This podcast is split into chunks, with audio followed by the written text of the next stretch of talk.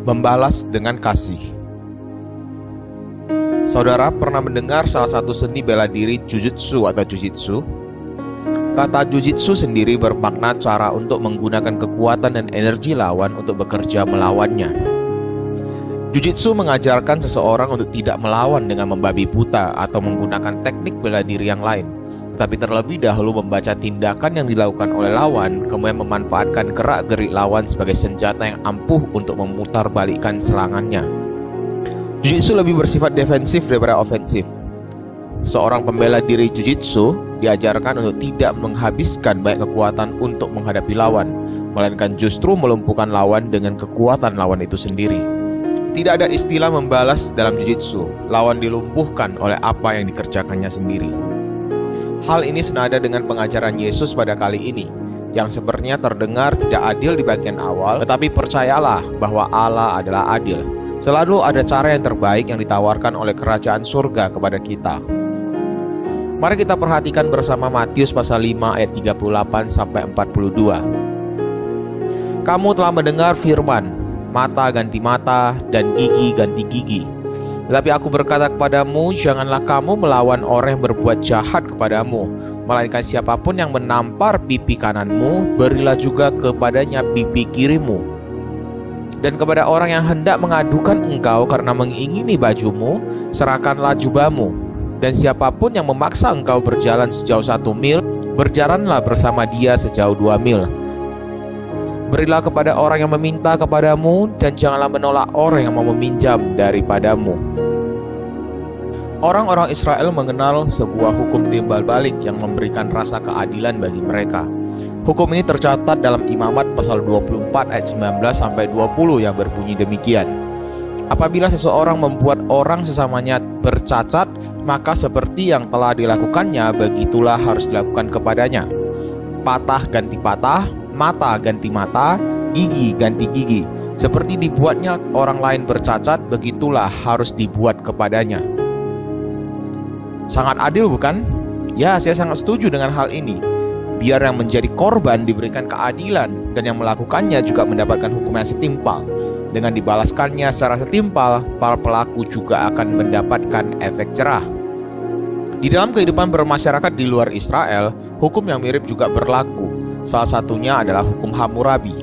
Bahkan peraturan-peraturan hukum yang berlaku pada hari ini banyak juga yang didasarkan pada prinsip yang bernama lex talionis ini Lex bermakna hukum, sedangkan talionis artinya pembalasan. Jadi lex talionis artinya adalah suatu balasan yang harus diterima oleh pelanggar dari undang-undang yang berlaku. Namun dari pembacaan Injil Matius hari ini kita seakan mendapatkan kesan bahwa Yesus menentang prinsip hukum ini. Di mana permasalahannya? Apakah telah terjadi salah tafsir lagi oleh guru agama Yahudi? Perintah yang sama tentang nyawa ganti nyawa, mata ganti mata, Gigi ganti gigi, tangan ganti tangan, kaki ganti kaki juga ditemukan di ulangan pasal 19 ayat 21. Namun untuk memahami maksud terdalam dari prinsip hukum lex talionis versi perjanjian lama ini, kita tidak dapat memisahkannya dari ulangan pasal 19 ayat 15 sampai 21, di mana kita akan menemukan bahwa prinsip hukum timbal balik adalah suatu hukum yang berlaku pada persidangan di ruang pengadilan dan hanya bagi mereka yang memiliki otoritas sebagai hakim dalam komunitas Israel, mereka inilah yang berhak menjatuhkan vonis bagi seorang tersangka. Prinsip hukum ini bukan diberikan agar setiap individu dapat menjadi hakim bagi saudaranya, tidak ada maksud Allah sama sekali untuk memberikan otoritas bagi setiap individu untuk dapat membalas saudaranya dengan memperlakukan lex talionis. Lagi pula Allah dengan jelas menyatakan bahwa sebuah persidangan tidak akan sah jika hanya berdasarkan keterangan dari satu orang individu.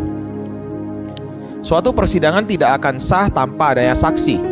Oleh karena itu, menurut hukum di kalangan orang Israel dibutuhkan lebih dari satu orang saksi paling tidak 2 sampai 3 orang untuk memutuskan gugatan seseorang. Faktanya di komunitas orang Yahudi pada zaman Yesus, mereka memilih untuk main hakim sendiri. Mereka menjalankan hukum mata ganti mata, gigi ganti gigi tanpa perlu menghadirkan saksi yang cukup. Mereka memutuskan sendiri nasib saudaranya atas dakwaan dari mereka sendiri.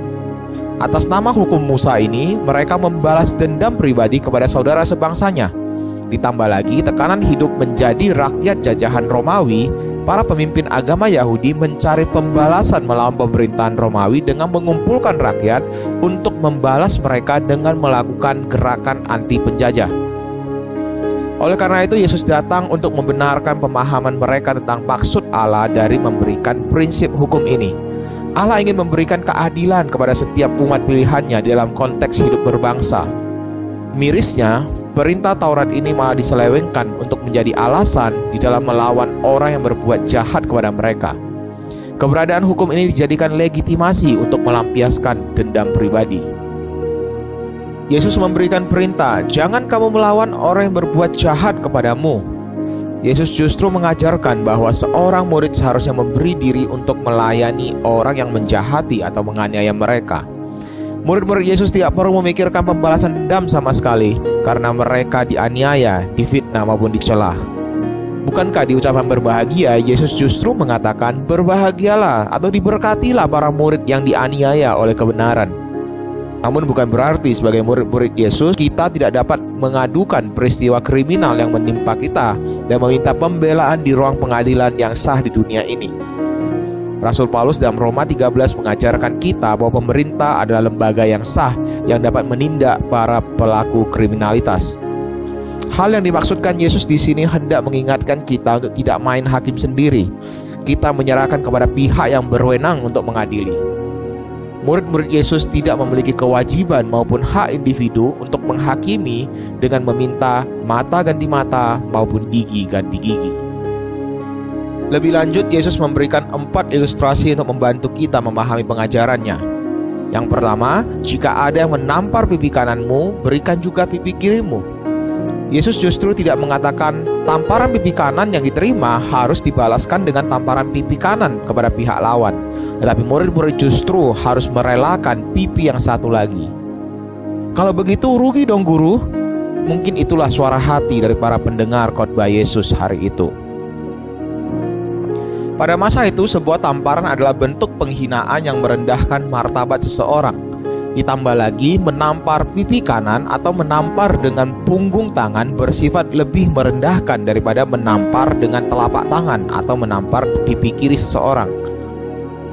Ketika seorang tuan menampar budaknya, maka ia akan menampar dengan punggung tangan atau menampar pipi kanan dari budaknya. Sedangkan untuk menampar seseorang yang sederajat, maka akan digunakan telapak tangan atau menampar pipi kiri. Namun mengapa seorang murid yang sudah direndahkan disuruh untuk ditampar lagi dengan tamparan bagi orang yang sederajat? Dengan memberikan pipi kiri, seorang murid sedang mengatakan kepada orang yang menamparnya bahwa mereka sederajat. Orang yang akan menampar itu akan berada pada suatu dilema ketika diperhadapkan pada kondisi ini. Seperti seni bela diri jujitsu tadi, seorang murid tidak perlu membalas dengan menampar balik, tetapi seorang murid mencari cara bagaimana dengan kasih menyadarkan orang yang menamparnya. Di dalam situasi ketika murid-murid Yesus menghadapi penganiayaan karena iman, dengan tidak membalas tamparan, murid-murid Yesus sedang memproklamasikan suatu realita bahwa mereka merasa aman dengan apa yang mereka imani, sehingga mereka tidak perlu membalas kejahatan dengan kejahatan. Warga kerajaan sorga menunjukkan bahwa mereka sedang berada dalam identitas kebenaran, sehingga tidak perlu meresponi penghinaan yang diterima dengan kekerasan. Ilustrasi yang kedua, Yesus meminta murid-muridnya untuk juga sekaligus memberikan jubah mereka jika ada yang mengadukan mereka karena mengingini baju mereka. Mungkin dengan bahasa zaman sekarang, jika ada orang yang menuntut kita ke pengadilan karena menginginkan t-shirt atau kemeja kita, sekalian berikan juga jas atau jaket kita. Kata baju di sini dalam bahasa asli Alkitab merujukkan kepada pakaian sehari-hari berupa jubah panjang yang dikenakan orang di bagian dalam sebelum mengenakan pakaian luar. Sedangkan kata jubah di sini merujuk kepada jubah bagian luar mirip dengan jaket atau jas atau blazer yang sering kita pakai di bagian luar pada zaman sekarang. Mengapa seseorang dituntut dengan baju atau jubah dalamnya? Karena biasanya jubah dalam ini dipakai oleh mereka yang miskin sebagai jaminan untuk meminjam uang dari si kaya. Saking berkekurangan, si miskin hanya memiliki satu set jubah dalam dan luar yang menempel pada dirinya. Tidak ada harta lain lagi yang dimilikinya. Oleh karena itu, pilihannya hanya pada jubah dalam tersebut yang dapat diambil oleh si kaya sebagai jaminan ketika meminjamkan uang kepada si miskin. Jubah luar seorang tidak boleh diambil karena selain sebagai kain terakhir yang menutup tubuh dari si miskin, terkadang jubah luar juga dipakai sebagai selimut saat malam hari. Pengadilan juga tidak boleh menjatuhkan putusan bahwa si miskin juga harus memberikan jubah luarnya untuk membayar hutang.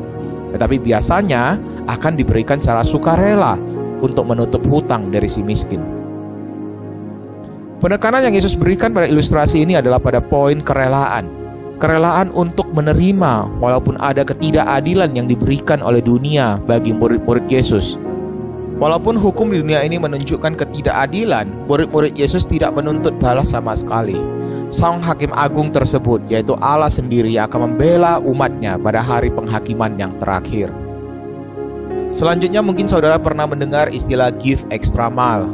Prinsip ini sekarang diterapkan di sektor pelayanan di mana mereka yang bekerja di bidang pelayanan dituntut untuk memberikan usaha ekstra demi kepuasan pelanggan. Namun dalam konteks pengajaran Yesus ketika itu, tentara Romawi dapat saja memaksa orang Yahudi untuk melakukan apa pun, termasuk mengangkat barang-barang atau beban perjalanan, seperti pada peristiwa Simon dari Kirene yang dipaksa untuk memikul salib bagi Yesus. Tidak ada orang Yahudi akan dengan senang hati dan muka tersenyum membantu tentara Romawi. Mereka melakukannya dengan penuh keterpaksaan, sebagai warga kerajaan surga yang berbahagia dan diberkati oleh Allah, penderitaan yang dialami karena iman tidak akan pernah merebut sukacita yang diberikan oleh Allah sama sekali. Ketika kemerdekaan murid-murid Yesus direbut karena dipaksa untuk berjalan satu mil, murid-murid Yesus harus siap memberikan dua mil tanpa menuntut balasan dari orang yang menyuruhnya. Dengan rela dan sukacita mereka melakukannya bagi orang yang menuntutnya.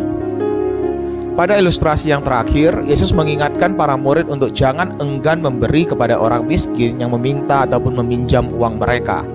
Tradisi memberi sedekah memang telah ada dalam budaya orang Yahudi, karena hal ini juga adalah pengajaran Taurat.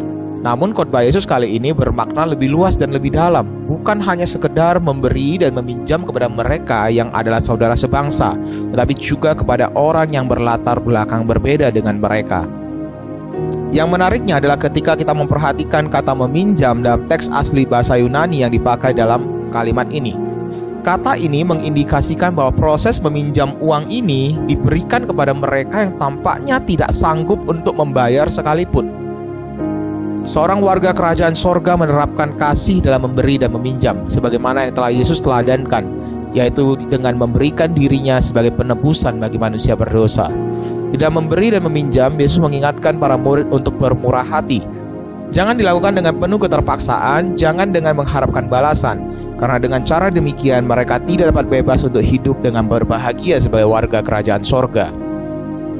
Seperti Allah yang bermurah hati dan tidak menuntut manusia yang telah menerima belas kasihan Allah untuk dapat membalas dengan penuh, maka seorang anak Allah juga seharusnya memberi dan meminjamkan harta mereka dengan bermurah hati.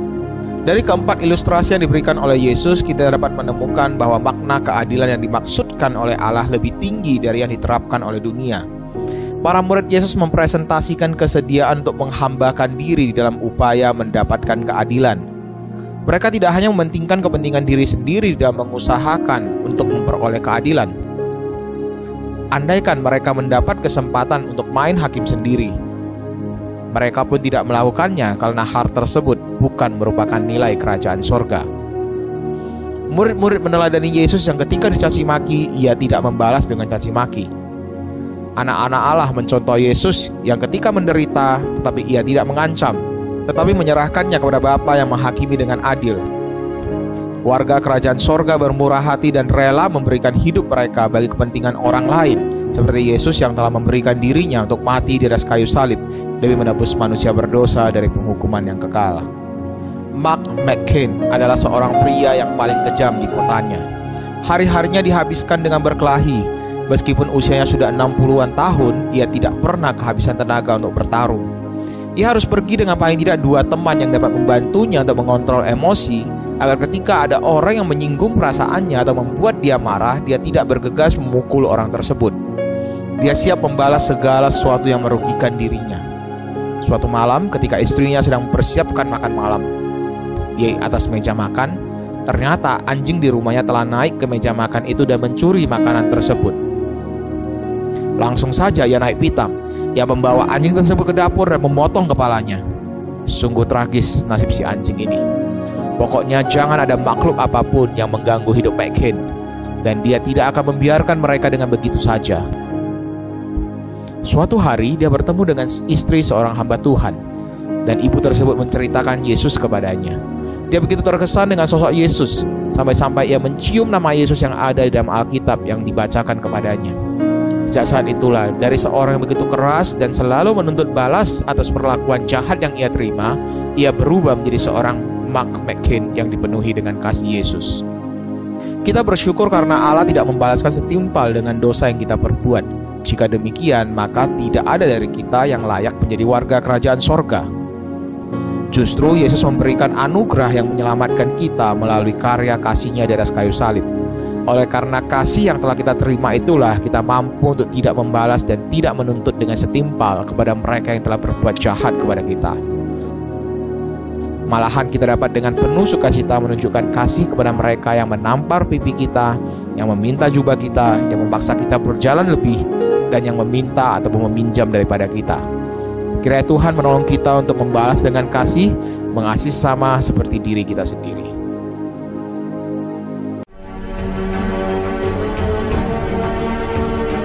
Mata ganti mata, gigi ganti gigi adalah hukum rimba. Siapa yang kuat akan menang, siapa yang lemah akan dikalahkan. Namun Yesus mengajarkan hukum kasih kepada murid-muridnya. Siapa yang ada di dalam Yesus baru akan sanggup untuk tidak membalas dengan kejahatan.